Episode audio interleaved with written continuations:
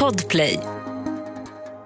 Du vet väl om att du kan lyssna på avsnitten av Fallen jag aldrig glömmer en dag före alla andra. Redan på torsdagar kan du lyssna på podden på podplay.se eller i appen Podplay. Och naturligtvis är det gratis. Ja, man kan ju fråga sig varför man gör en sån här rekonstruktion. För vid- den tidpunkten så, så eh, förnekar ju den här mannen att han hade gjort den här, gått den här gärningen. Och om det är någon som förnekar en gärning och säger att man inte har med det att göra, varför gör man då något man kan kalla en rekonstruktion? Det var tillvägagångssättet som vi reagerade på. Det här kunde ju drabba vem som helst. Bevis eh, kan ju ha försvunnit, bevis kan ha förstörts. Det är inte roligt att gå ute i samhället och veta att den som har gjort det är på fri fot. Varenda minut i en brottsutredning är ju väldigt, väldigt viktig. Det en anlagd brand och personen i fråga som har livshotande skador. Det här är ju ett försök till mord. Fallen jag aldrig glömmer. Podden som inte handlar om förövarna, som inte handlar om brottsoffer, utan som handlar om de som gjorde sitt jobb och löste brottet. Mordet på Malin, del 1. Den kraschade utredningen.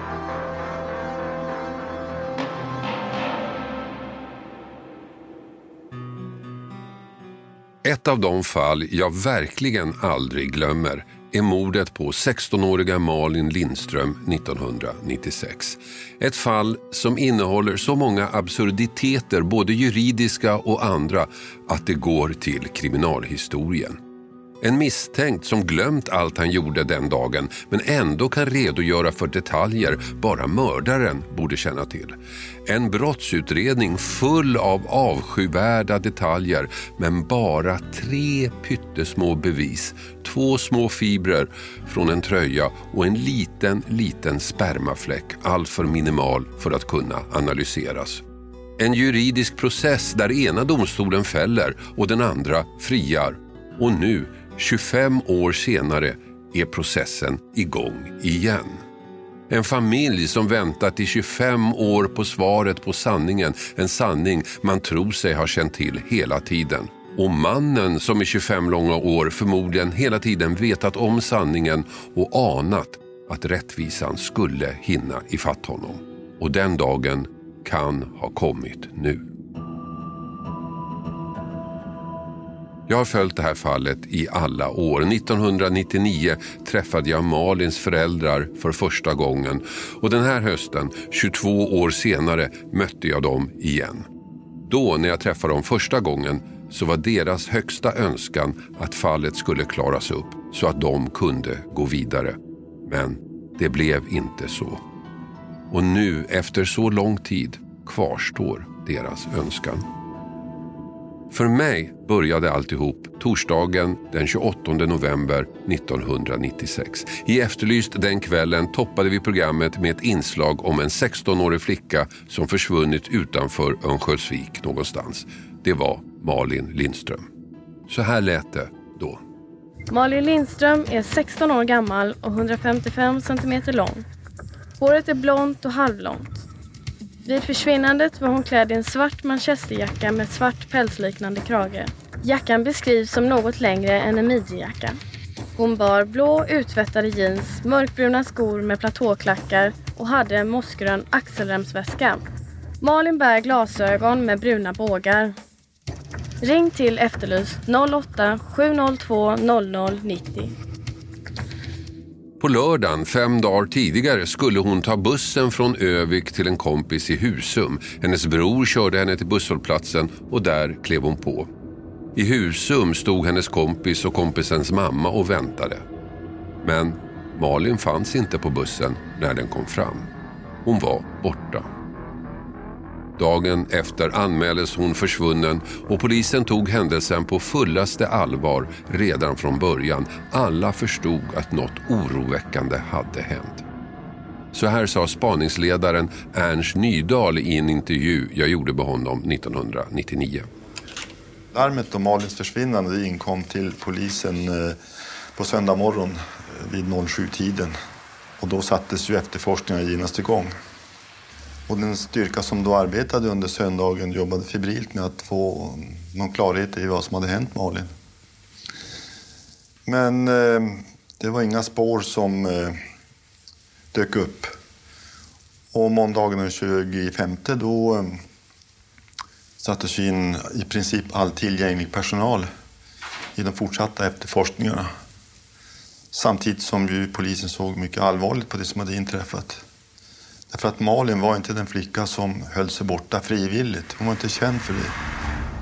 Polisen visste två saker. Malin hade gått på bussen men hon var inte kvar när den kom till Husum. Och det här var det enda utredarna hade att gå på vid den här tiden. Så bussen, passagerarna och föraren blev naturligtvis av högsta intresse. Då var det väldigt angeläget att komma i kontakt med busschaufför och passagerare. Genom den utfrågningen så blev vi tämligen säkra på att Malin hade följt med bussen. Malin hade alltså setts på bussen. Men det, det konstiga i det här sammanhanget det var och är fortfarande att inte någon av passagerarna som har hörts flera gånger om igen har sett var hon steg av någonstans. Flera av passagerarna hade sett Malin på bussen. Busschauffören hade sett Malin på bussen. Men det märkliga var att ingen av dem sett henne gå av. Och det var i det här läget som polisen vände sig till Efterlyst. Ett ganska ovanligt beslut. Oftast brukar inte utredarna använda sig av oss förrän långt senare i utredningen. Här hade det bara gått fem dagar men det fanns inget annat att göra. Det fanns inga som helst spår efter Malin. Hon var bara borta. Det visar sig att beslutet att vädja om tips i Efterlyst var ett lyckokast. Det kom in ett tips som blev fullständigt avgörande för hela utredningen. Så här berättade Ernst Nydahl 1999. Efter ett tv-program Efterlyst så eh, hör en person av sig. En man som eh, kör bruksvägen upp mot E4. Och eh, då säger han att eh, han har eh, sett det här paret och eh, han känner dessutom pojken. Och det leder ju oss då till ett namn. Vi kallar ju in honom och hör honom. En man ringde alltså in till vår tipstelefon. Och han hade inte bara sett Malin utan också en ung kille som gick med henne. Han bara inte kände igen henne, han visste också vem killen var. Så nu hade polisen ett namn. Teorin var att Malin helt enkelt gått av vid fel hållplats och där tydligen träffat på killen, en 18-åring jag väljer att kalla Anders. Han tas naturligtvis in på förhör. Anders är något av en enstöring. Han bor hemma hos sin mamma inte långt ifrån busshållplatsen som Malin av misstag gått av på. När han kommer till polisen gör han ett lite förvirrat intryck. Han säger sig inte minnas någonting från den här dagen. Han har inte mött någon tjej. Å andra sidan så var det kanske en tjej som han gick bakom. Eller förresten kanske han gick bredvid henne, möjligen. Han ändrade sin berättelse hit och dit så misstankarna mot honom stärktes. Men å andra sidan visste ju ingen var Malin fanns någonstans. Än mindre vad som hade hänt. Så till slut var man tvungen att släppa Anders. Och så var utredningen nere på noll. Inga spår, inga ledtrådar. Och dessutom hade vintern brutit ut med full kraft och hela området var täckt med snö. Månaderna gick, ingenting hände. Men utredarna förstod naturligtvis att någonting allvarligt hade inträffat med Malin. De ansåg också att Anders förmodligen på något sätt var inblandad i händelseförloppet. Men innan Malin eller hennes kropp hittades fanns inte mycket att göra.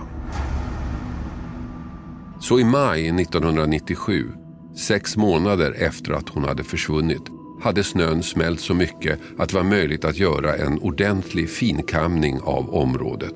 Man upprättade skallgångskedjor och det tog inte lång tid innan sökandet gav träff. I Fårön, inte så långt från hållplatsen, hittades Malins kropp. Så här berättar en av kriminalteknikerna som var med. Malin hittades ju den 22 maj och en brottsplatsundersökning inleddes ju direkt. Eh, hon var ju ingen direkt trevlig syn när hon anträffades. Eh, hon låg gömd under granris, eh, ligger på rygg och Eh, så småningom då när kroppen vändes så kunde vi konstatera att hon var ordentligt bunden. Ja, rättsläkaren konstaterade då att i hennes rygg fanns det sju stycken hugg efter något form av vapen, troligtvis kniv. Tre utav de huggen kan var för sig ha varit dödande.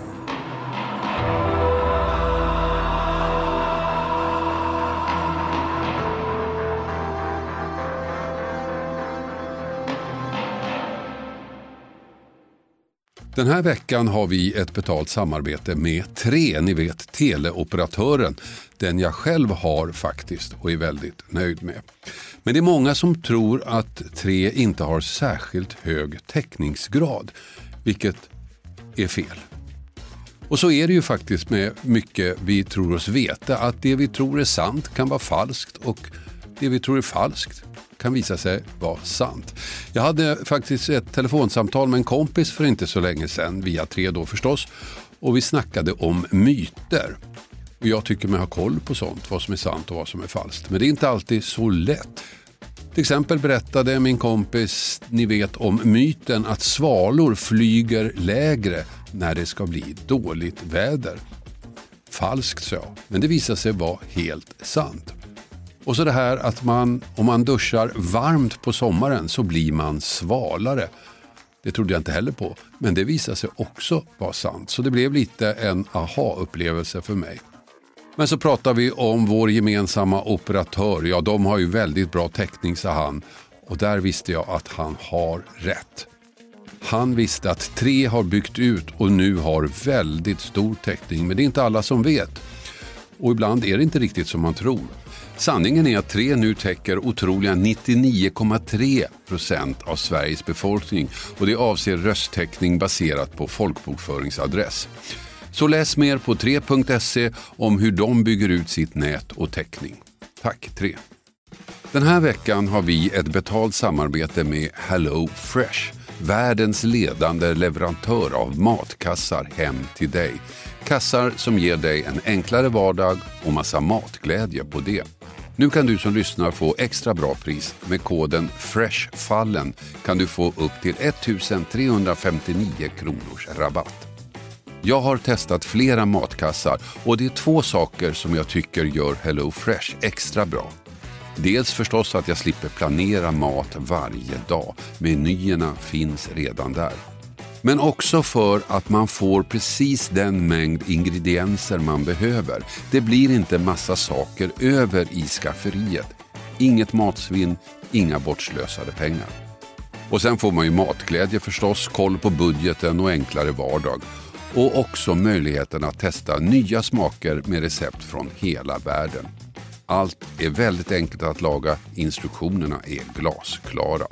Så vill du få en enklare vardag, minska matsvinnet och testa nya spännande smaker. Gå in då på hellofresh.se och använd koden FRESHFALLEN. Den ger dig upp till 1359 kronors rabatt på dina fem första kassar. Plus fri frakt på första matkassen om du inte provat HelloFresh förut. Har du varit kund tidigare kan du också använda koden om du avslutat ditt abonnemang för 12 månader sedan eller längre. Tack HelloFresh. Ett poddtips från Podplay. I podden Något Kaiko garanterar östgötarna Brutti och jag, Davva, dig en stor dos skratt. Där följer jag pladask för köttätandet igen. Man är lite som en jävla vampyr. Man har fått lite blodsmak och då måste man ha mer. Udda spaningar, fängslande anekdoter och en och annan arg rant. Jag måste ha mitt kaffe på morgonen för annars är jag ingen trevlig människa. Då är du ingen trevlig människa, punkt. Något Kaiko, hör du på Podplay. Därför är gardinerna. Trots att Malins kropp legat ute så länge och trots att den var bitvis ganska förstörd av naturens krafter stod en sak klar. Hon hade blivit mördad. Hon var bunden, hon var tejpad, hennes kläder var borta och hon hade sju stycken knivhugg i ryggen. och dessutom låg kroppen dold under granris, ris som någon medvetet måste ha lagt över henne. Det var inget försvinnande, det var ett mord. Förmodligen ett mord med sexuellt motiv. Och nu riktades uppmärksamheten åt ett enda håll. Så här uttryckte spaningsledare Ernst Nydahl det. Ja, när man hittat Malin så blir ju den eh, person som, som tidigare funnits med i bilden eh, inte mindre intressant för fortsatta utredningsarbetet. Malin hade mördats. Malin hade utsatts för ett sexuellt övergrepp. Det fanns nästan inga spår kvar på brottsplatsen efter att kroppen hade legat där hela vintern. Men en liten detalj kunde säkras. En fläck som ett halvt sekel senare skulle vända allt upp och ner. På hennes kläder fanns en spermafläck. En fläck som med all sannolikhet kom från mördaren. Polisen hade ju namnet på den som kanske såg henne sist, nämligen Anders. Så nu togs han in igen och den här gången som eventuellt misstänkt för mord. Och eftersom misstankarna nu omfattade en betydligt allvarligare händelse än förut hade utredarna möjlighet till betydligt mer omfattande utredningsåtgärder. Bland annat utfördes en husransakan hemma hos Anders. En husransakan som gav väldigt märkliga fynd. I uthuset i villan där han bodde tillsammans med sin mamma gjorde polisen makabra upptäckter. Teckningar av kvinnor som misshandlades, förnedrades och våldtogs. Dockor med uppskurna underliv. Tejp av samma typ som Malin tejpats med. Knivar, patroner och sprutor. Och i hans dator hittades mängder med sparat material. Allt var våldspornografi. Inget annat fanns på datorn. Och dessutom hittades en teckning han gjort som föreställde ett kranium. Så här berättade en av kriminalteknikerna som jag intervjuade 1999. Bland de här teckningarna som hittades då fanns det en teckning av en dödskalle. Och eh, vi la den på sidan, vi tyckte den såg ganska barnslig ut och tänkte inte mera på den. Och det gick en tid när en av våra tekniker erinrade sig då hur Malins kranium såg ut när kroppen hade hittats. Och kunde konstatera själv då att det var vissa detaljer som överstämde med teckningen och kraniet. Bland annat då eh, vissa märken i pannan, ögonhålorna var ganska lika och så vidare. Och vår slutsats då blev att han måste ha varit tillbaka till platsen, alltså den som har ritat den här dödskallen, måste ha varit till platsen där Malin låg. Alla de här upptäckterna var förstås indicier, men ett fynd var konkret. Ett fynd som kunde koppla Anders till mordet. Det var några blå fibrer som kom från något klädesplagg och Malin hade haft en blå tröja på sig.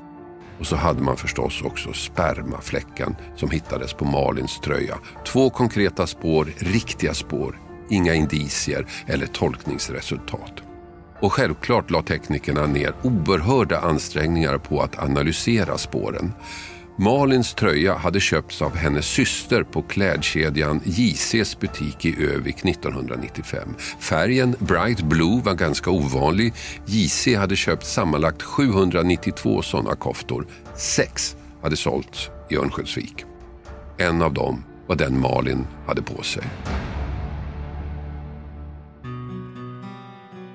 Att fibrerna som hittades hos Anders skulle kommit från någon annans tröja än hennes bedömdes som osannolikt. Men med spermafläcken gick det sämre. Den var alldeles för liten för att kunna analyseras med den teknik som fanns tillgänglig då. Den blev liggande i väntan på att tekniken skulle utvecklas. Utredarna hoppades kanske att det skulle gå ganska fort. Det gjorde det inte.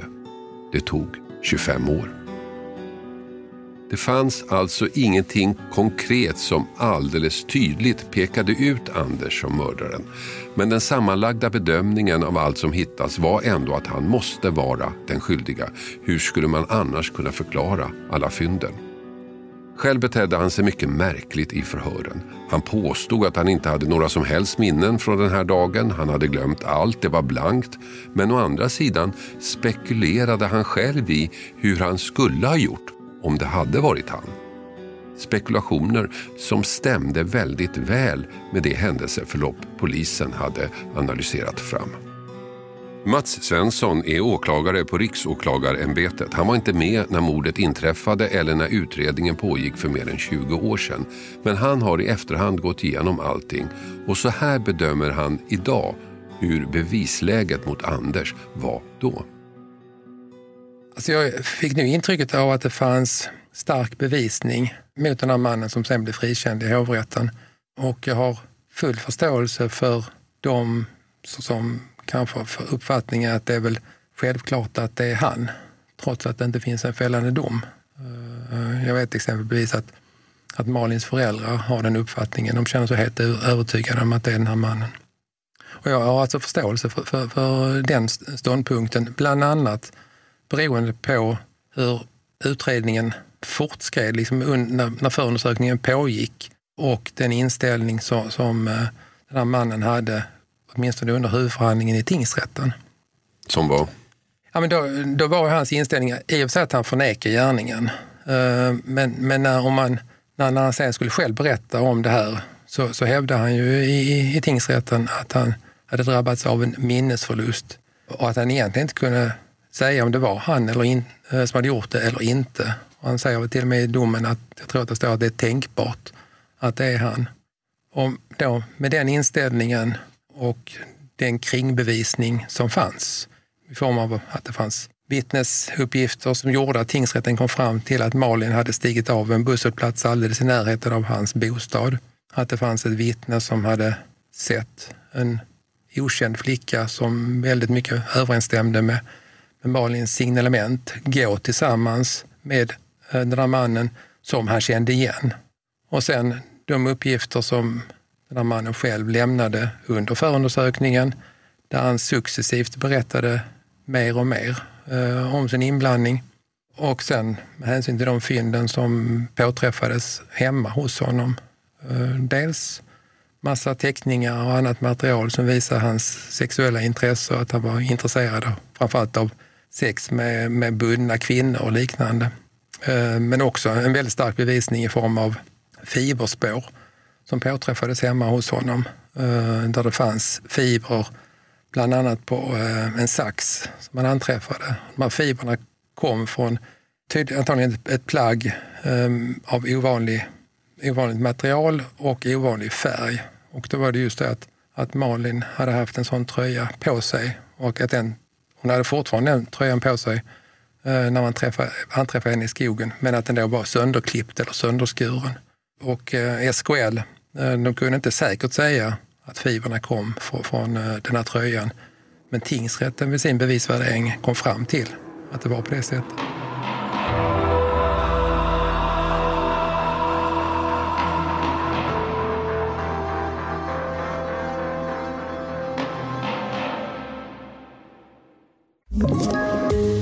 Poddtips från Podplay.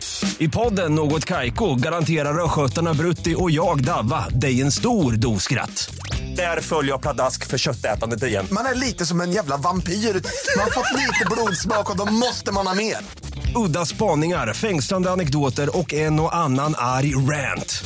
Jag måste ha mitt kaffe på morgonen för annars är jag ingen trevlig människa. Då är du ingen trevlig människa, punkt. Något Kaiko, hör du på Podplay. Därför är gardinerna. Indicierna var många och så fibrerna som fanns hos Anders. Men ändå, det där avgörande beviset, det som inte kunde snackas bort, det saknades. Så då beslutar utredarna om en mycket speciell åtgärd. Trots att han nekar till allt bestämmer man sig för att göra en rekonstruktion. Normalt är en rekonstruktion något man gör när en gärningsman har erkänt. Då får han visa utredarna exakt hur han begått brottet. Men här har vi alltså en misstänkt som nekar men som samtidigt berättar hur han skulle ha gjort om det vore han som hade gjort det, vilket det ju inte var, säger han. Vid den här tiden var teorin om undanträngda minnen väldigt het. Det vill säga att en gärningsman helt enkelt förträngt hela händelsen. Men att minnet fanns där långt bak i det undermedvetna. Det gällde bara att få fram det, att återuppleva det. Tycker ni att det låter bekant? Ja, hela utredningen om Thomas Quick byggde ju på det. Trots att så mycket talade emot att han var skyldig genomfördes rekonstruktioner som gick ut på att väcka minnena till liv igen, vilket han själv hävdade hände. Tills han många år senare erkände att allt var lögn och att han bara hittat på allt sammans. Men vid den här tiden, när Malin mördades, sågs bortträngda minnen som en intressant teori och ett sätt att få fram sanningen. Så man kallade in en minnesforskare och en rekonstruktion iscensattes. Inte för att visa hur mordet faktiskt gått till utan för att Anders skulle visa hur han skulle gjort om han hade varit mördaren. Om han nu var det, vilket han alltså inte var, säger han. Hela rekonstruktionen filmades och filmen finns kvar. Tyvärr är ljudet alldeles för dåligt för att jag skulle kunna spela upp det här. Men i filmen visar alltså Anders hur han skulle gjort om han var skyldig, vilket han inte var, säger han. Filmen innehåller också en del detaljer som är intressanta. Detaljer som det är svårt att förstå att någon annan än mördaren kunde känna till. Till exempel så erbjuder utredarna Anders fem olika tejpsorter när han ska tejpa dockan som är offret i filmen. Och han väljer faktiskt den sort som användes på Malin. Det kan ju vara en slump. Eller? Åklagare Mats Svensson har sett rekonstruktionen nu i efterhand. Så här säger han. Ja, man kan ju fråga sig varför man gör en sån här rekonstruktion. För vid, den tidpunkten så, så eh, förnekar ju eh, den här mannen att han hade gjort den här, begått den här gärningen. Och han sa att han hade inte alls med det här att göra egentligen då. Och om det är någon som förnekar en gärning och säger att man inte har med det att göra, varför gör man då något man kan kalla en rekonstruktion? Eller en vallning på brottsplatsen eller liknande. Samtidigt var det i det läget så att han sa att han inte mindes eh, vad som hade hänt och att han gärna medverkade i en typ av rekonstruktion. Och det, var inte tanken att han skulle visa vad han hade gjort, eh, utan då skulle tanken vara att, att det skulle vara ett hypotetiskt scenario där han skulle visa hur han hade gjort om det hade varit han som var gärningsmannen. Nu, var, nu menar jag att han var inte gärningsmannen, men hur skulle han ha agerat om han hade varit i den här situationen? Och det finns tveksamheter eh, hur man genomför det här. Eh, bland annat var det så att varken försvararen eller åklagaren var närvarande när det här genomfördes. Eh, men inte heller egentligen den polisen var ansvarig för utredningen. Utan tittar man på den här vallningen och stora delar av den så genomförs den av den tilltalade tillsammans med en, en psykologiprofessor och minnesforskare eh, som dessutom har haft enskilda samtal med den här mannen. Eh, och de här enskilda samtalen är då belagda med sekretess eh, eftersom det har skett i, i, en, i en patientrelation. Och just det att man har en, en rekonstruktion där en person som har haft en, en patientrelation tidigare med, med sekretess. Det, det, det, för mig känns det väldigt konstigt och det finns ju absolut en risk att, att eh, den som håller den här rekonstruktionen påverkar eh, förhörspersonen. Där och då sågs rekonstruktionen vara en framgång, en väldigt stor sån. Men i efterhand visade det sig vara ett avgörande misstag. Ett misstag som ledde till att mordet på Malin Lindström inte klarades upp. Inte då i alla fall. Med fynden av de kusliga föremålen hos Anders, med fibrerna som antogs komma från Malins tröja, med teckningen av kraniet och inte minst med rekonstruktionen där Anders på något sätt frigör sina bortträngda minnen, i alla fall hoppas man det, så går åklagaren till domstol. På våren 98 ställs Anders inför rätta anklagad för att vara den som mördade Malin. Och rättegången blir en framgång för åklagaren och utredarna. Den 6 juni 98 döms Anders för mord på Malin Lindström. Det är ställt bortom allt rimligt tvivel att han är skyldig, vilket inte minst rekonstruktionen med honom bevisar, anser tingsrätten. Men det tar inte slut där. Domen överklagas till hovrätten och det som visade sig vara så framgångsrik i tingsrätten blir nu avgörande misstag i hovrätten. Rekonstruktionen döms ut totalt. Den utfördes på ett amatörmässigt sätt. Anders blev ledd genom hela händelseförloppet. Det som visades var mera utredarnas bild över hur mordet gick till än Anders egen version. Och i hovrätten, till skillnad från tingsrätten, sa sig Anders inte minnas någonting alls plötsligt. Han hade ingen möjlighet att själv spekulera i hur han skulle ha gjort. Minnet var helt blankt. Precis som en försvarsadvokat hade önskat att det skulle vara en försvarsadvokat som haft möjlighet att öva försvarsstrategi med sin klient. De andra bevisen, dockorna, knivarna, teckningarna och sprutorna, inget av det knöt Anders vid brottsplatsen. Och fibrerna, ja de kunde ju komma från Malins tröja, men fem likadana hade ju sålts i Övik. Så domen blev frikännande. För Malins föräldrar kom det förstås som en chock. De hade hoppats på ett svar, men de fick det inte. Så här sa Malins pappa Rune när jag träffade honom 1999. Ja, det man kan hoppas på nu det är ju att utredningen kommer, kan komma vidare, att man liksom närmar sig någon en gärningsman för att eh, ja, ska man leva så här då, då, då är man ju stympad för resten av livet. Det är man ju i och för sig ändå men man får ju aldrig, man får aldrig sätta en punkt liksom, så att man kan få det rätta sorgearbetet. Det tar ju aldrig slut. Och där kunde historien ha slutat. Den misstänkte gärningsmannen gick fri i hovrätten. Men, skulle det visa sig, det var inte över. För det fanns ju en liten detalj kvar, en mikroskopisk detalj som skulle kunna ändra allt, nämligen spermafläcken. Den som hittades på Malins kropp. Den som var alldeles för liten för att kunna analyseras med den tidens teknik. Den som bara låg och väntade och väntade på att tekniken skulle hinna ifatt. Och nu, i år, 25 år efter det bestialiska mordet på Malin hände det. Tekniken hann ikapp. En DNA-profil kunde tas fram.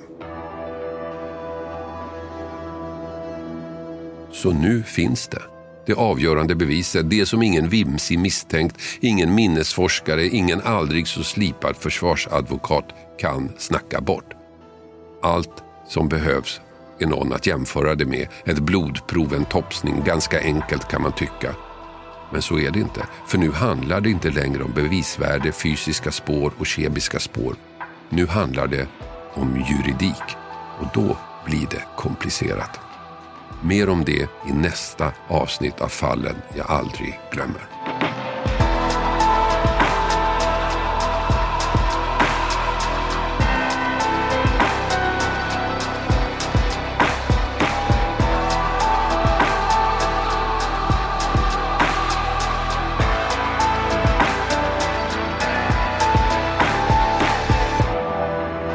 Du har hört podden Fallen jag aldrig glömmer. Klippning David Davva Persson. Och jag heter Hasse Aro. Du vet väl om att du kan lyssna på avsnitten av Fallen jag aldrig glömmer en dag före alla andra. Redan på torsdagar kan du lyssna på podden på podplay.se eller i appen Podplay. Och naturligtvis är det gratis. Podplay. Ett poddtips från Podplay. I podden Något Kaiko garanterar östgötarna Brutti och jag, Davva, dig en stor dos skratt. Där följer jag pladask för köttätandet igen. Man är lite som en jävla vampyr. Man har fått lite blodsmak och då måste man ha mer. Udda spaningar, fängslande anekdoter och en och annan arg rant. Jag måste ha mitt kaffe på morgonen för annars är jag ingen trevlig människa. Då är du ingen trevlig människa, punkt. Något Kaiko, hör du på Podplay. Därför är gardinerna.